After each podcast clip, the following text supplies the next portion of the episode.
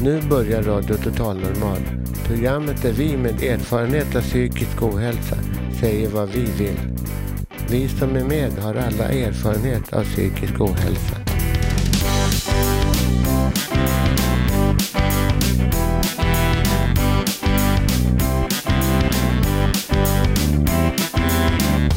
Du lyssnar på Radio Total Normal. 101,1. Totalt normalt. Radio Total Normal, torsdagar från två till halv fyra. Vi livesänder med publik från Götgatan 38 i Stockholm. Kom hit och lyssna. Här är alla röster lika värda.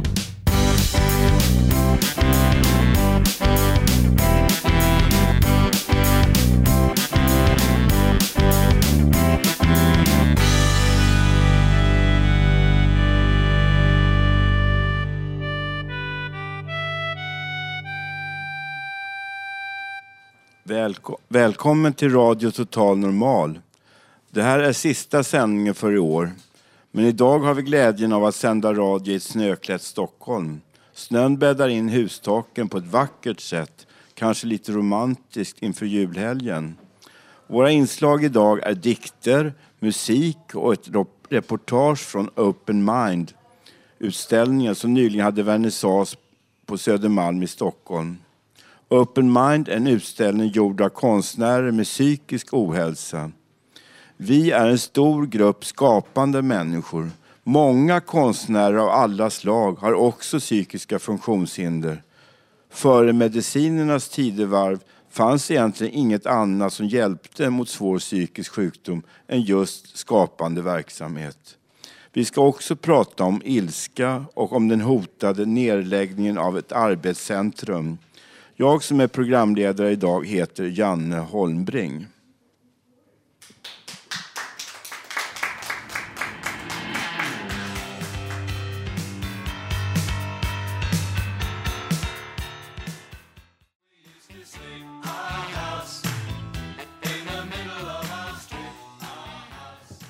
Nu har vi ett inslag här som handlar om Open Mind som är en konstutställning. Radio Total Normal har varit på vernissage på en vandringsutställning. Utställningen heter Open Mind och är gjord av medlemmar från flera fontänhus i Sverige. Fontänhus är en rehabilitering för personer med psykisk ohälsa.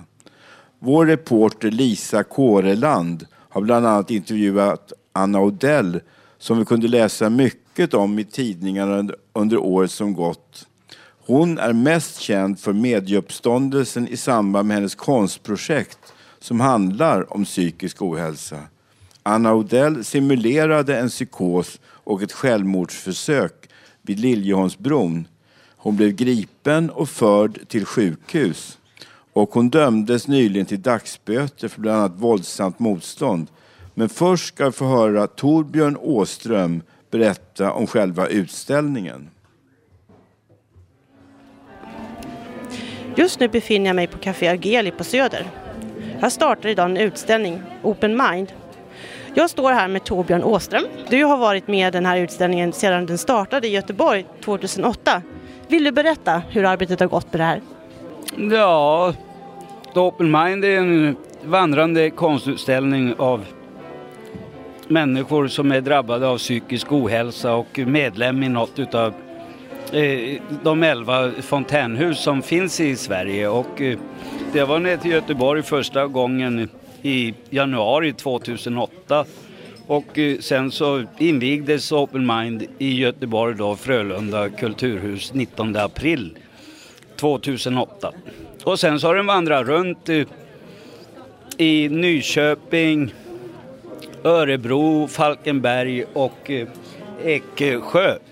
Och nu avslutas den då här i, i, i Stockholm mellan den 5 och 17 december.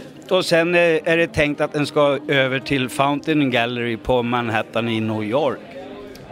Här står jag på Open Mind och framför mig har jag Anna Odell som har kommit hit för att inviga vår utställning och hålla ett tal som du precis har gjort. Vad har du för tankar och känslor om att vara här idag hos oss? Eh, nej, men jag tycker att det är jättespännande just med tanke på att jag har ju ändå eller som jag, som jag har förstått det så är de konstnärerna här är väl människor som fortfarande är kvar i psykiatrin mer eller mindre. Så, och eftersom jag har varit en del av det så är, känns det ju som att det ligger nära även om det känns också avlägset. Mitt projekt rör ju, det är ju liksom de som är eh, ja, men sköra som jag på något sätt har velat synliggöra och också den här maktlösheten och eh, att man faktiskt också bara för att man är psykiskt sjuk så betyder det inte att man inte kan bli trodd eller ta, bli tagen på allvar och det är väl det jag har velat lyfta fram. Du sa i ditt tal, var går gränsen mellan konst och galenskap? Jag tycker det var så bra. Vill du utveckla det lite? Jo, men det var ju just det här att fyra dagar efter att jag kom hem då från den här iscensättningen så, var det med, så tog de upp det här i då ABC på tv första gången och då så börjar reporten med att säga var går gränsen mellan konst och galenskap? Vilket jag tycker ju är det blev ju liksom en sån intressant med, så intressant med tanke på hela den här resan som det här projektet då har fått genom media och, och rättegång och sådana där saker. Du sa i ditt tal att projektet som du har gjort, eh, vi gränsar till både journalistik och teater. Vill du säga någonting mer om det? Jag tycker det var eh, intressant också. Det, det finns eh, konst, inom konsten finns det inga gränser ibland. Det, jag tycker det är spännande. Jo, men det är just det där att det, visst gränsar det till båda, för jag har spelat och jag har gjort en undersökning, precis som granskande journalistik kan göra. Men jag menar att det finns ändå väsentliga skillnader som gör att det hade inte gått att göra det här inom journalistiken eller inom teatern. För att det är så komplext, det ställer så många frågor på en gång, det jag har gjort. Vilket också gör att det är mycket svårare för, då, som psykiatrin i det här fallet, att värja sig mot. Eh, och det, det tar upp också den här psykiatrins syn på någon som faktiskt har varit sjuk. På 60-70-talet gjorde, gjordes det ju en del experiment även då inom, från psykiatrin själv som Rosenhan heter någon forskare som gjorde i USA där han gav eh, sina eh, elever en fiktiv journal med en diagnos och så fick de här eh, eh de som skulle utbilda sig till psykiater lägga in sig på olika kliniker med uppgiften att agera helt normalt. Men journalen fanns då med en diagnos. Och hur deras agerande sen tolkades som sjukt. Hur, man, hur på något sätt vården, och det gäller säkert oss alla människor, att man har en slags filter. Och man, ja, här läser man, ja den här människan, hon är schizofren. Och då ser man de delarna trots att människan kanske är frisk. För att man får ett filter, där, som, ett, som ett schizofrent filter, där ser man de delarna när man tittar på den människan trots att de kanske inte finns där. Och, och det tycker jag också blev på något sätt synliggjort i det här. Att, och därför menar jag att det går inte liksom att jämföra med journalistik så, för att det är så mycket mer komplext det jag har gjort. Jag får tacka dig så jättemycket. Jag skulle vilja fråga, fråga dig jättemycket mer men vi får ta det en annan gång. Tack så jättemycket. Tack. Jag befinner mig på Café Eugeli, eh, Open Mind-utställningen. Och jag står här med Jonas Holmén. Eh, vill du berätta om varför du är här och vad du har för känslor för den här utställningen? Ja, Ja, det gör jag så gärna så. jag, jag, är här som gäst på vernissagen på Open Mind som Fountain House eh, i Stockholm arrangerar. I, i lokalen på Galleri Augeli med alla konstverken upphängda. Ja, jag tycker det, det, är bra arrangerat. Det är kul att Radio Total Normal eh, finns representerade här med, med, med Lisa. Och eh, det är också kul att se Ebba som har varit med och hängt upp tavlorna och arrangerat före. Och, Precis som även Torbjörn Åstrand har gjort. Och bättre blir det. Vad kommer det hända sen? Ja, sen så ska den ju vidare över till USA är det tänkt. Tanken är att den ska skickas över någon gång i, till våren 2010 och eh, ja, försommaren då.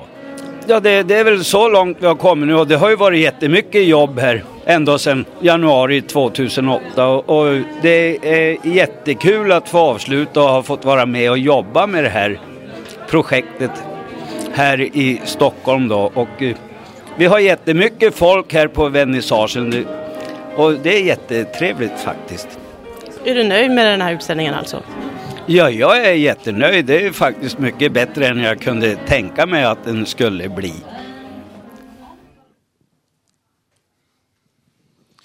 Ja, hej, jag heter Hasse Kvinto och jag tänkte börja, läsa, börja med att läsa en dikt som heter Ökad sinnesbefrielse. Det är en dikt som är skriven senvintern 1997 om att bli mer fri från sorg genom naturlig gråt och uppleva en inre frälsning, en befrielse från bortträngning och uppnå en förlösning och bli ofattbart fri för att sedan vänja sig vid det nya tillståndet. Ökad sinnesbefrielse. Något av en frälsning, känslan av befrielse. Gråten som kommer, gråten som kommer, sorg levs ut, en tid av återhämtning. Leendet som gör att mungiporna kan gå uppåt igen sedan tårarna torkats. Befrielsekänslan och öppenheten ofattbar och blir fattbar efter en tid av tillvänjning. Och nu ska jag sjunga en sång som heter En god och lycklig jul. Det är en egen låt som jag gjort.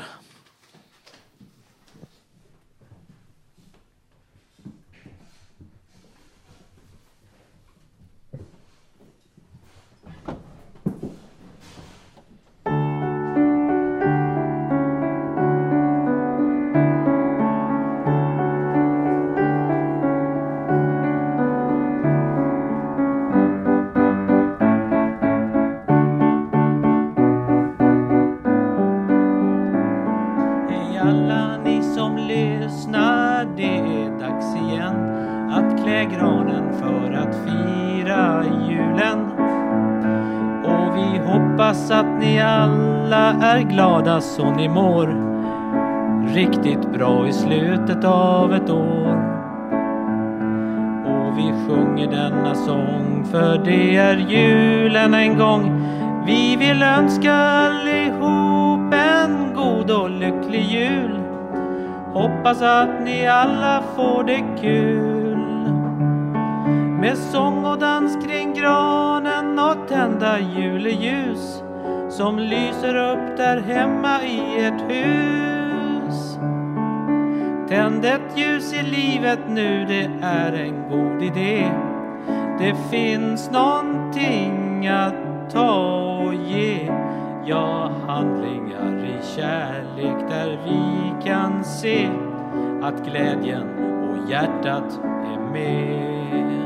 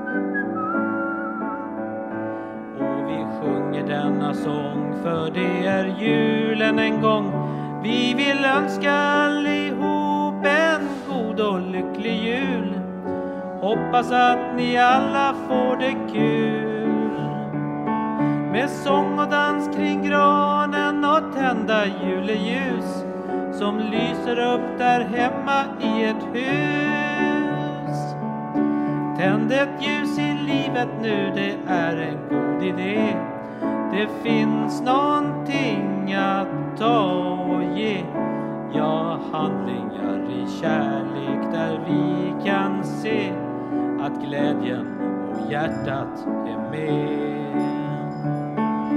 Önskar er en god och lycklig jul. Önskar er ett riktigt gott nytt år.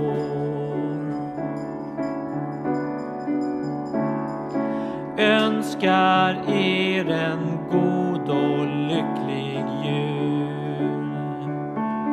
Önskar er ett riktigt gott nytt år.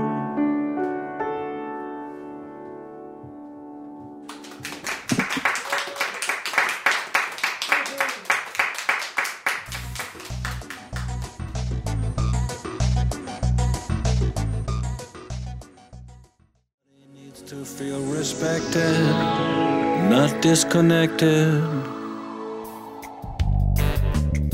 Direktsänd radioshow producerat av oss med erfarenhet av psykisk ohälsa.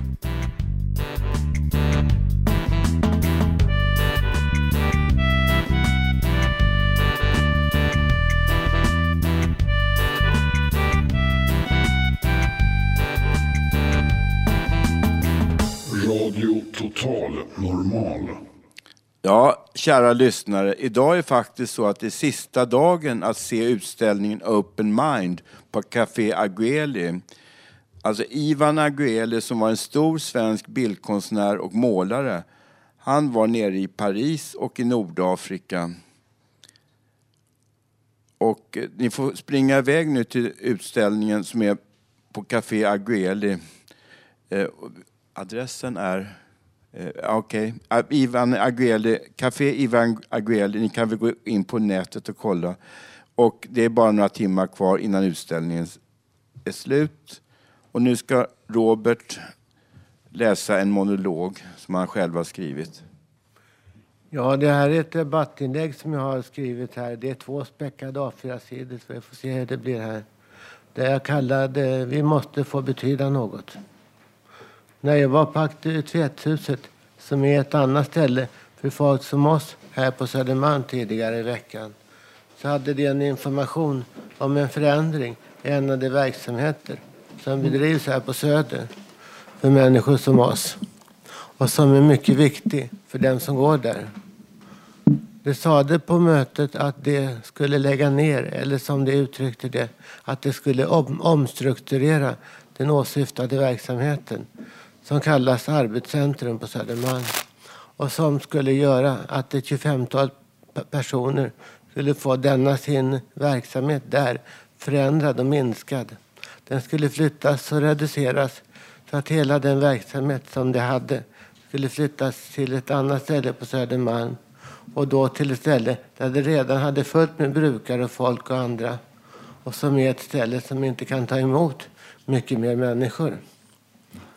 Verksamheten på Arbetscenter på Södermalm borde som jag ser det utvecklas och byggas ut och inte minskas och flyttas.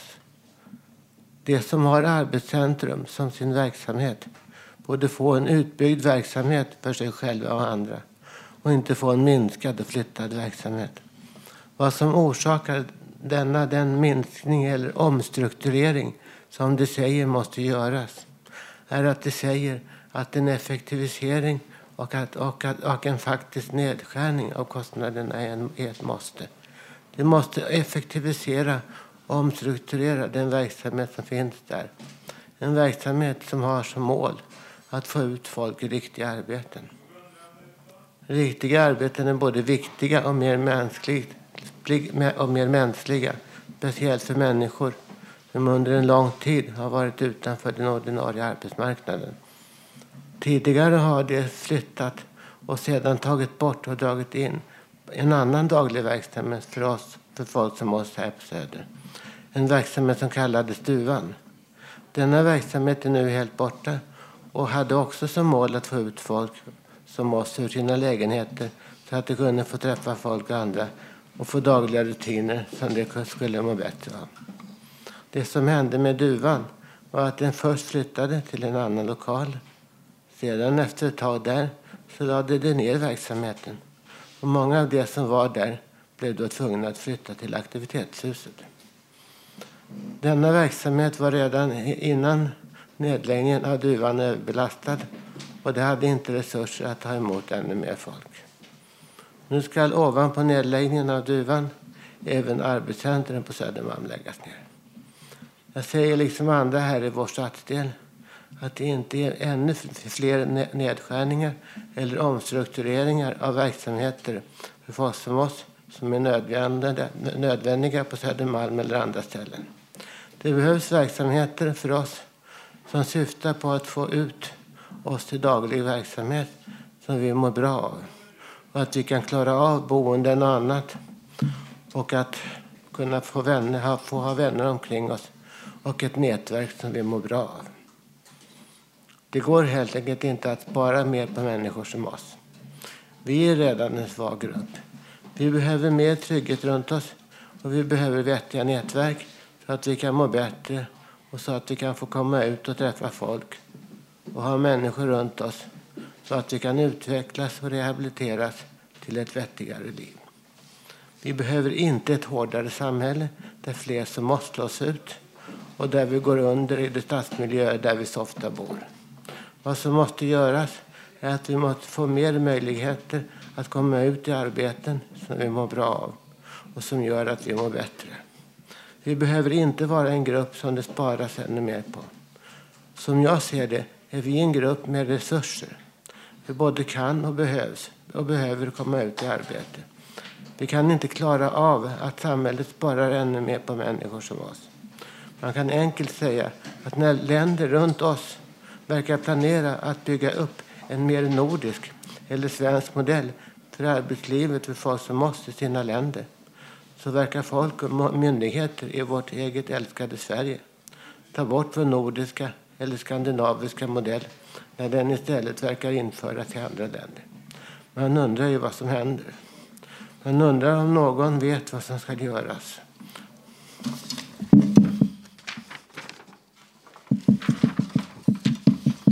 Man undrar vad någon kan få ut av att effektivisera samhället och att spara ännu mer på folk som oss.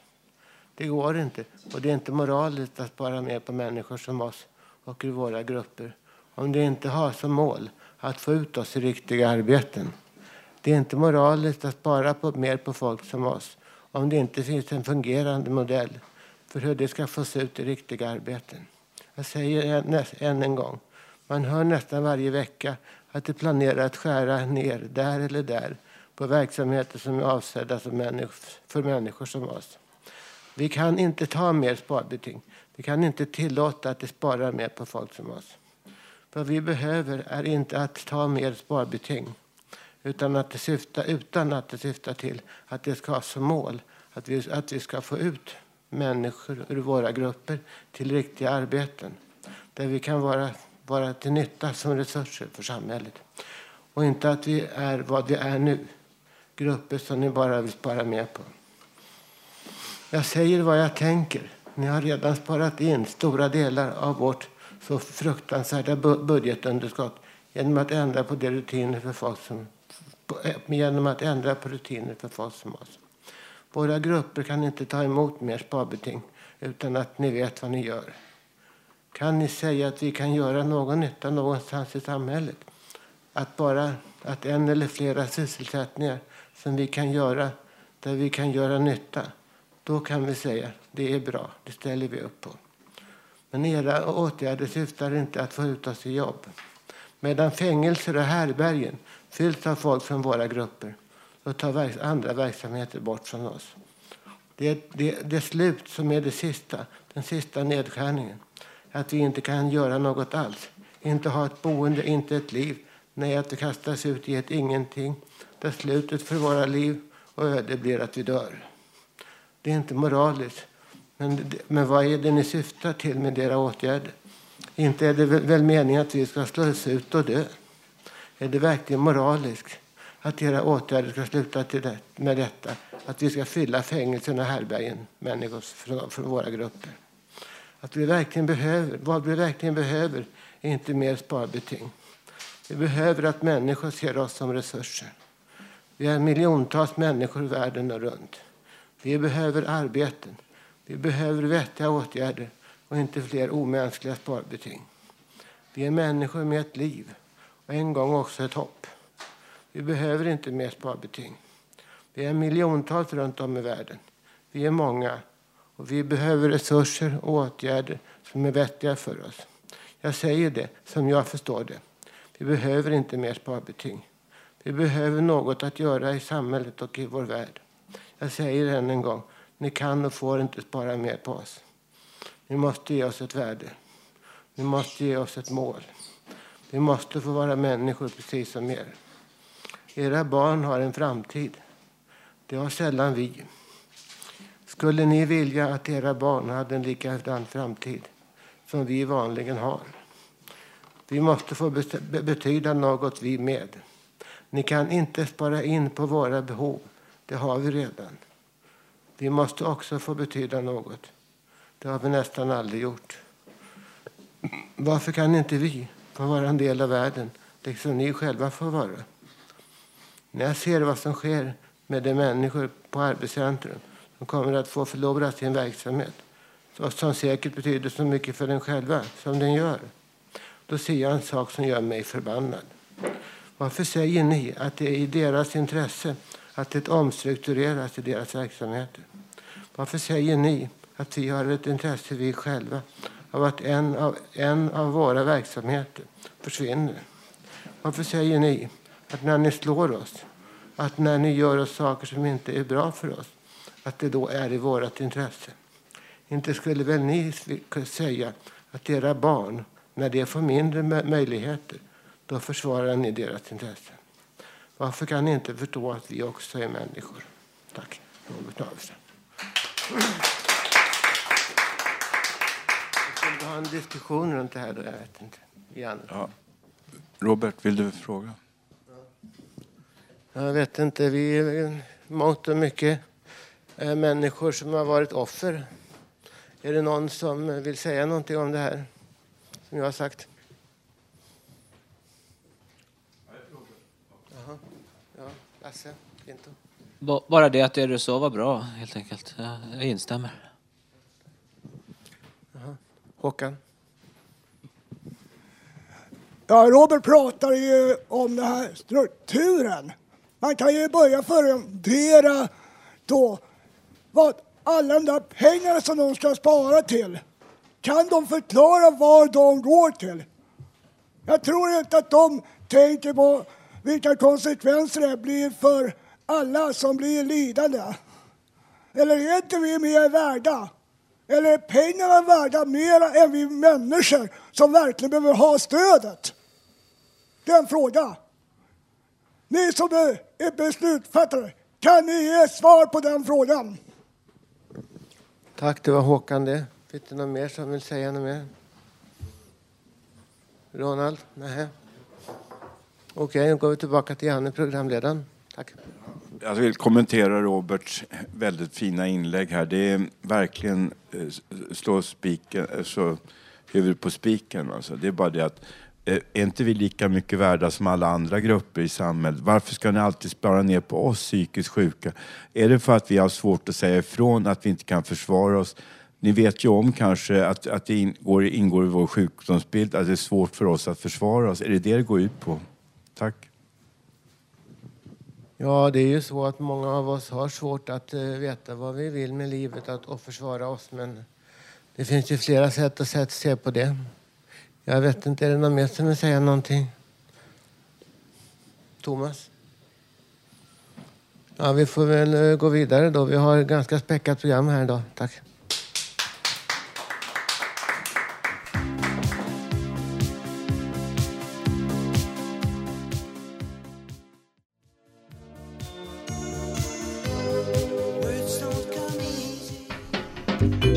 Poesi i Radio Total Normal. Ja, det här är fortfarande Radio Total Normal. This is Radio Total Normal, broadcasting from Götgatan 38, Stockholm, Sweden. Nu ska vår mest trogna medlem i Fountain House och medarbetare Ulf Torell läsa en dikt som han själv har skrivit. Idag, idag är fredag, december. Förra månaden var november. Jag bor i Hammarbygden. Månar ljusa. Igår var torsdag, nu är vinter. Ett fartyg reste jag var 1969 till 70. Jag var på reste 1969 till 70. Båten kom till sjön Atlanten, Panamakanalen. Jag var bland annat på en Sydamerika. Dessutom i Hamburg, Tyskland, Antwerpen, Belgien. Finland. Kanske snart en gör en gång till. April, maj var år. Jag är 56. Oktober var en tid sedan höst. Efter fredag, december 11.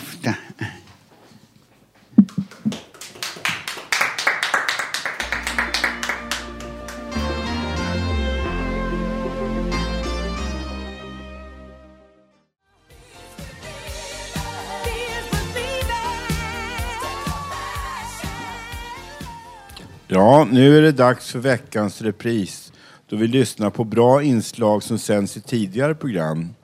Idag ska vi lyssna på vår kära medarbetare Katrins inslag där hon pratar om drömmar och skridskor.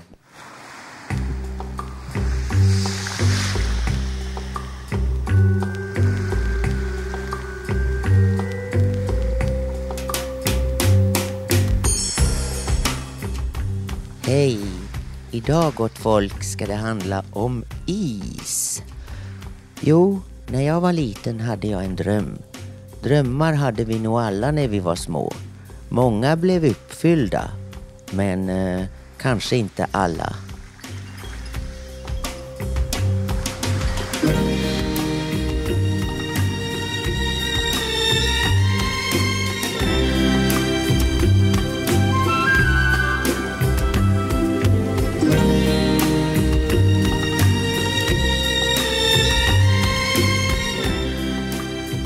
Vet inte om det ligger psykologi och psykiatri i det här. Jag vet bara att för mig var det väldigt viktigt att svänga, hoppa, saxa, vända, glänsa och sätta taggarna i isen när man landade.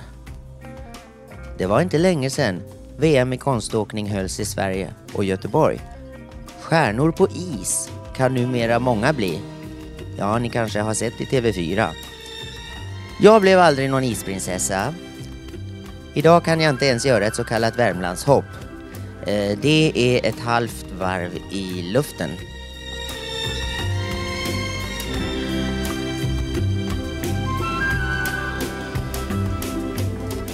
Vintern eh, 1988 glömmer jag aldrig. I mars kom jag hem efter två månader i Thailand. Thomas mötte mig på Arlanda. Mitt filmprojekt då, Tourist Time, om staden Stockholm pågick, eller ja, det hade ju legat på is medan jag var i Thailand. Men då, då skulle vi fortsätta att filma staden och mig som guidande värdinna. Turistambassadör säger man idag. Ja, jag presenterade Nordens Venedig så gott jag bara kunde. Mitt filmprojekt pågick i över ett år och jag fick med och betonade även de fyra årstiderna. Allt från sommar i skärgården till julmarknad på Stortorget.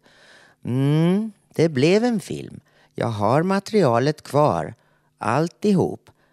Dock ej särskilt professionellt färdigfogat och sammansatt. Scenen då jag skulle åka skridskor på den lilla rinken i Kungsträdgården, tja, det blev ingen sådan scen. För när jag kom hem från Thailand i början av mars hade isen smält. Mitt då isinslag i den här filmen höll på att gå om intet. Men ibland har jag geniala lösningar på saker och ting. Vi skulle ju upp en vecka till Idrefjäll för att åka skidor var det tänkt. Nu skulle vi åka via Ludvika den här gången och där fanns eller finns det fortfarande en inomhusarena för ishockeykillar. Mm. Jag åkte lite grann där. Thomas filmade och så klippte jag in det i Tourist Time. Filmen om Stockholm. Ja, mina vänner, nu blir det strax musik med ett namn på en helt annan stad. Kännare av klassisk musik hör nog direkt vilken konsert det här är. Själv vill jag bara dra på mig skridskorna när jag hör detta stycket. Ja, det här var min krönika idag. Mitt namn är Katrin Loford. 101,1 megahertz. Ja. Och en del av våra sändningar finns även på www.radiototalnormal.se. Väl mött nästa torsdag. Tschüss!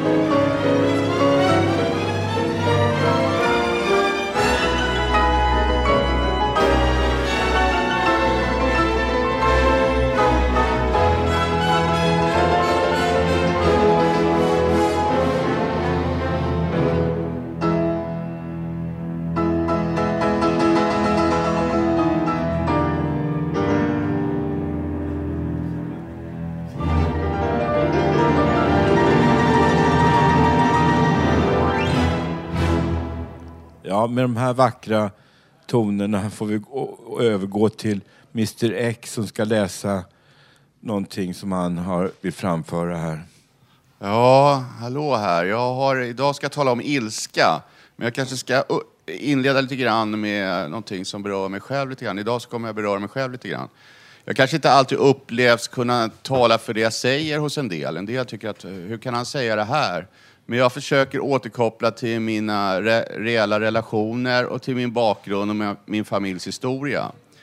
Fast visst är det så att andra personer här på Fountain House och på Radio Total Normal bättre kanske representerar de åsikter och grupper jag berör. Svenska samhället är inte uppbyggt som det brittiska i olika sociala klasser på samma sätt kan man säga när vi pratar om svenska samhället. Utan det är en del människor kanske som lyssnar på det här kanske är vanare vid andra samhällen som är uppbyggda av klaner och, och stammar. Och det är väl, svenska samhället är nog mer uppbyggt på klan, klaner och stammar. Och svenska skolsystemet möjliggör ju klassresor upp och ner. Så, att, eh, så ska det väl vara, att man ska kunna utvecklas och gå vidare. Och eh, det är kanske några som undrar att vi inte har någon med skånsk dialekt här, men eh, vi försöker vara lika roliga som Sven Melander och det går väl eh, sådär.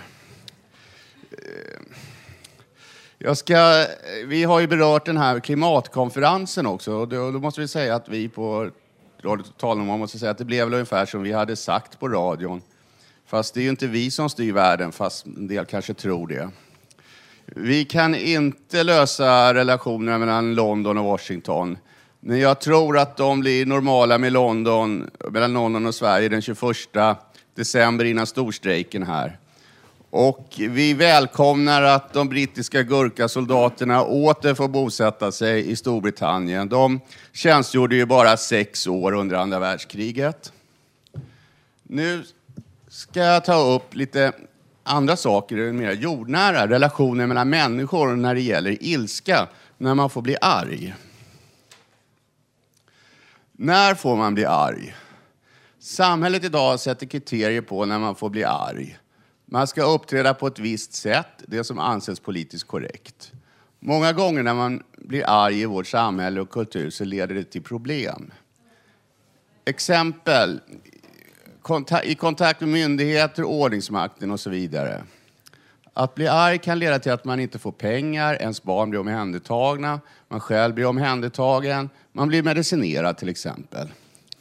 De som arbetar eller är chefer inom myndigheterna kanske har växt upp i en överklassmiljö och kanske har svårt att sätta sig in i hur de människor som, som utsätts för myndighetsutövning känner. Men varför blir folk arga? De människor som blir arga kanske har en anledning. De som står längst ner på samhällsstegen. Om man har blivit nedtryckt i hela sitt liv och kanske blivit utsatt för våld, frihetsberövande, kanske finns anledning att bli, ibland att bli arg. Jag vill förmedla när jag tycker att jag har rätt att vara arg. Nu utgår jag lite grann från, från mig själv. När man har ett barn, och mina vänner då också naturligtvis. Vi är ju en grupp här så att, det måste jag också säga att man får inte fokusera allting på mig utan det finns ju flera här och runt om i samhället som jag försöker beröra. Så att eh, det är inte en person som uppfyller allting det jag säger. När man har ett barn som har blivit felaktigt omhändertaget och fosterföräldrarna har problem i sitt förhållande anser jag att man har rätt att bli missnöjd. När fosterföräldrarna dessutom har alkoholproblem och misshandlar barnen är det ännu värre. När man dessutom blir avfärdad av sociala myndigheter som hotar polishämtning anser jag att man har rätt att använda F-ordet och till den mest kvinnliga personalen. Vidare anser jag att om man blir överfallen då i 99 procent av fallen av män tycker jag man har rätt att använda F-ordet innan man måste slå tillbaka och freda sig. Vidare tycker jag att man har rätt att använda F-ordet mot kvinnlig polis och, och ambulansväxeln som avfärdar den på grund av förutfattade meningar. Men varför får man inte bli arg då? Att bli arg upplevs som hotfullt. Men är det så att vissa människor anses farligare än andra? Varför är det så? Handlar det om attityder mot olika grupper i samhället? Vilka personer är farliga? Själv upplever jag att jag har en spärr i mitt psyke som slår av och på när jag uppfattar att jag har rätt att bli arg. Jag tycker det är viktigt att det är tydliga signaler när man uttrycker sitt missnöje. En sådan person har hög våldströskel. Den andra personligheten med låg våldströskel fungerar lite annorlunda. Det är en person utan spärr i psyket som helt oväntat som från klar himmel uppnår okontrollerat raseri. Denna person ger inga tecken eller signaler ifrån sig utan övergår direkt till helt oväntade och oförklarliga våldsyttringar. Och det går inte att läsa av dem innan man blir arg. När det blir arga. Aggressiviteten kan vara ett problem. Men förr eller senare så tas det som har lätt att ta till våld om hand av myndigheter och kriminalvård. Men jag anser ändå att de flesta visar tecken på missnöje eller att något inte är bra innan de blir arga. Ilska kommer sällan som en blixt från klar himmel. Jag anser att desto mer tecken man visar på sitt missnöje genom klagomål mot myndigheter och så vidare visar på en högre våldströskel istället för en lägre som många myndigheter tror. Och nu ska det vara lite publikdiskussion eh, här, men då, då, frågorna jag tänker ta upp. Men vem har rätt att bli arg och när? Om någon slår sitt barn på skolgården mitt framför dina ögon kanske alla förstår att du blir arg. Om ditt barn tas ifrån dig framför dina ögon och sen utsätts för våld av det som tagit hand om det, är det inte förståeligt att man blir arg då? Är det några här i, utav gästerna och publiken som har någonting att säga om det här? Jag håller fullständigt med Mr X här att man kan bli arg. Man har rätt att vara arg. Det är ingen som bestämmer vilken person, vilken grupp som har rätt att vara arg eller inte vara arg. Jag tycker vi har missat rätt mycket med att ilska, för man har rätt att visa ilska. Man behöver, som han sa, eh, Mr X, att att man behöver, de som blir, skriver skrivelser och, och, i förväg och försöker på normala sätt förbättra samhället Eh, eh, har, ju, har ju faktiskt en högre tröskel att gå eh, vålds... Alltså man använder ju inte våld i första taget. Man försöker då göra så gott man kan förändra det som man vill ha ändrat på med skrivelser. Och det är naturligtvis vår demokratiska parlamentariska rättighet i det här landet. Det är ju så det handlar om demokrati. Och då vill jag säga att, att Mr X har helt rätt på det här. Man har rätt att visa ilska och det är ingen eh, en psykiskt sjuk människa har också rätt att visa ilska. Vem är det som bestämmer allt det här? eh, Vad som man får vara arg på och inte vara arg på? Det kan jag också börja fråga. Jag tror att det var någon här som, eh, som viftade när vi tog upp det här med Skåne. Det var en, en, en man här som sitter med en massa spakar, och rattar och knappar. Får höra här. Vad är det du vill höra? Ja, det inkom, eh, det jag, kom, det jag sa pratade ju om eh, Sven Melander här och att han, var, han skulle representera oss här, men han är ju inte här. Utan du, du är här då. Vad, vad, vad tycker du att Skåne blir eh, undantryckt här i Radio Total Normal? Nej, jag kan inte påstå det. det är rätt, jag, jag tycker det är lugnt. Jag tror Skåne får det de eh, behöver, eller vad man ska säga. Ja, Skåne får vad de förtjänar. Nu ska vi se här vad det är för några mer personer som vi pratar. Här är någon. Ja, igår innan jag skulle gå på terapi då, så var jag på en, ett café och drack två eh, choklad med vispgrädde och en smörgås. Men så var det en man som satt bredvid mig som klagade på att det inte fanns tillräckligt med kött i hans pyttipanna. Och han blev kanske inte arg då, men irriterad i alla fall. Jag tyckte det var bra att han eh, på ett rationellt sätt gav en förklaring till vad som inte var bra liksom, och uttryckte sitt missnöje där. Det var en ganska skön grej. Ja, här är en man till. Hej, det här är Mr Y. Jag skulle vilja ta, säga bara att det är väldigt viktigt att bli arg och att få ut sin ilska. Själv så växte jag upp i en familj där man inte fick visa ilska. Och det kostade mig flera psykoser för att jag hade stängt in ilska under många, många år. Det är väldigt viktigt att få ut sin ilska. Det kan man få genom att boxa sin boxningsklubb eller vad som helst. Man behöver inte överfalla sin omgivning. Ja, här har vi en man till. Jag vänder mig till alla som är mobbade, både barn och vuxna som blir mobbade på ett eller annat sätt. Att ni visar de övriga som mobbar er att det får vara slut med det här. Jag tolererar inte att bli mobbad. För att jag tror att de som mobbar, de märker inte att de sårar den andra. Om man skulle vända på saken Hur skulle de uppleva om de i sin tur blev mobbade på samma sätt? Ja, det var tankvärt. Och här kommer en man som brukar ha väldigt bra åsikter och han funderar väldigt mycket innan han säger något. Ja, det är väl så att man hör hur, de, hur eh, någon säger här att det är bra att få ut sin ilska. Och då vet man ju gammalt, som, som för mig har varit en sanning, som jag aldrig kunnat leva efter, men att det skulle vara bra att boxas för, för, för psyken. Och sen så när de debuterar det här, då säger de då att de eh, slår grabbarna, deras hjärnor ligger och kluckar i sina små behållare där uppe liksom. Och då man undrar liksom, hur, hur får de ihop det där? Men ändå så är det ju något naturligt att ge igen hos människan. Människan är väl en fysisk varelse. Men om detta liksom skulle re- resultera i att de utnyttjar deras, deras eh, naturliga behov av att klara av att ta en ilska till att deras hjärnor skulle ligga och klucka liksom i sina behållare där uppe. Det måste finnas någon rim och reson. Tack. Ja, den här diskussionen verkar utmynna i ett besök hos antroposoferna Järna som är väl någon tysk-dansk eh, organisation för folk som är väldigt sjuka. I alla sjukdomar. Ja, då får vi avsluta här. Och eh, jag tackar för mig och önskar alla en god jul. Gott nytt år.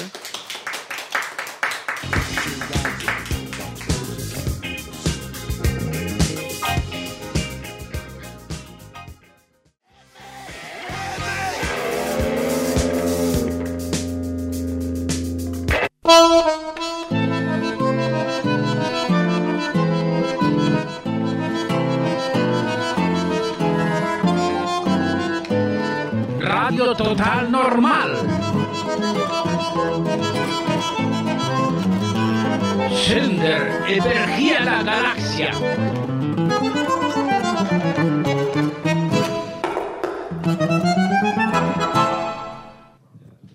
Ja, nu ska Håkan Eriksson läsa någonting som han tycker är angeläget. Ja, som ni hörde i inledningen av programmet så gör vi nu ett uppehåll med vår direktsändning med publik från Götgatan 38 till den 14 januari. Ni kan höra våra repriser på vår vanliga tid på 101,1 mellan 14 och 15.30 eller på vår webbsida kan ni också som är www.radiototalnormal. Ni kan även höra på P4, Sveriges Radios P4-kanal mellan 16 och 16.45 den 24 och 31 i december. Och jag vill avsluta med en juldikt som jag har eh, skrivit. Snön ligger som en vit ryamatta på marken. Barnen åker på sina pulkor ner för den snöklädda backarna. De större barnen gör, gör snögubbar och snölyktor.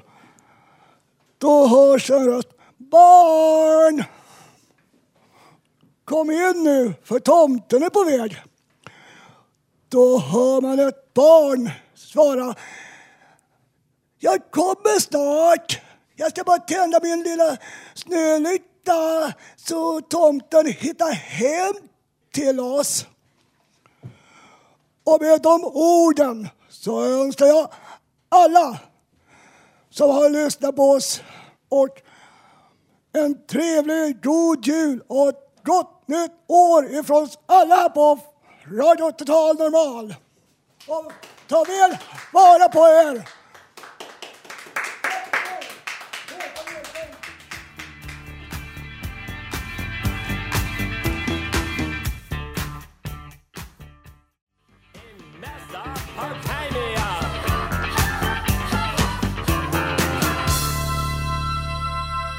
Jaha, det här är fortfarande Radio Total Normal som sänder från Götgatan 38, Södermalm i Stockholm. Nu ska vår medarbetare Hasse Kvinto spela en jullåt på piano. Ja, jag ska spela en egen komponerad sång, egen text och musik, som heter, en sång som heter Julefrid. Julefrid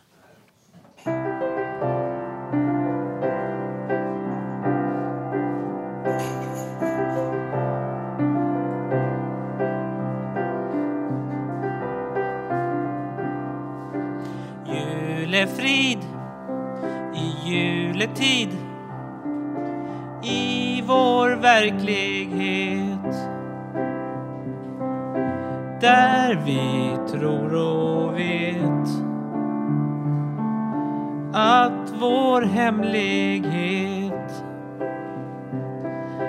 är att vi kan göra något gott. Rent konkret Julefrid i juletid. Omtanke om livet. Julefrid i juletid för dig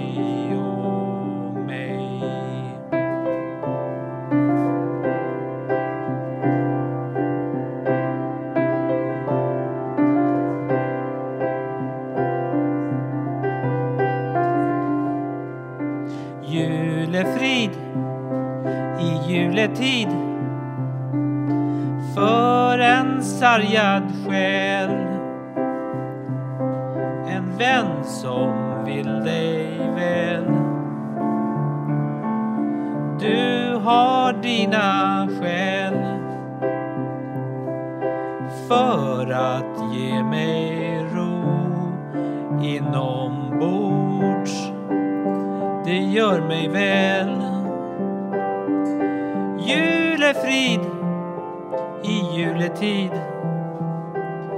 Omtanke om livet.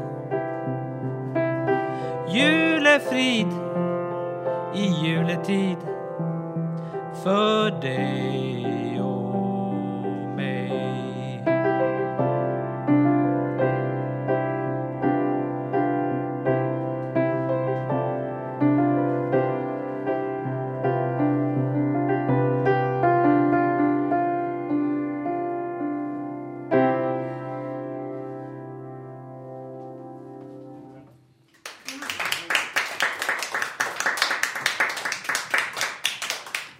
Skulle jag, nu vill jag hälsa till alla mina medbröder och medsystrar i psykiatrin.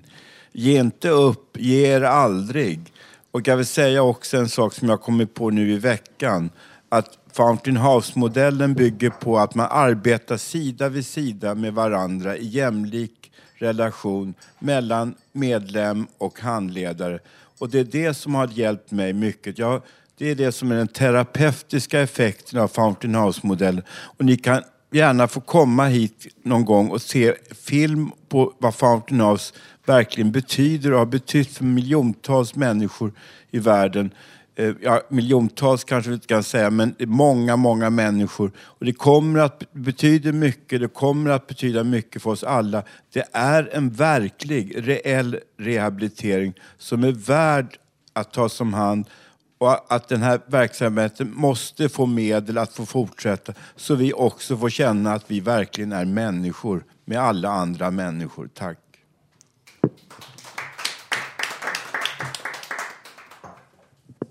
Och nu ska vår medarbetare Ronald Larsson eh, dela med sig av ett citat. En tänkvärd tanke att ta med sig. Mycket få människor lever idag. De flesta gör förberedelser för att leva imorgon.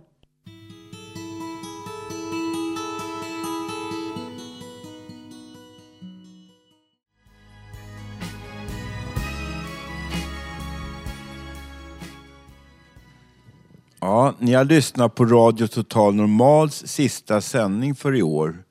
Ni kan höra våra sändningar på julaftonen och nyårsaftonen i Sveriges Radio P4 klockan 16.00 till 16.45.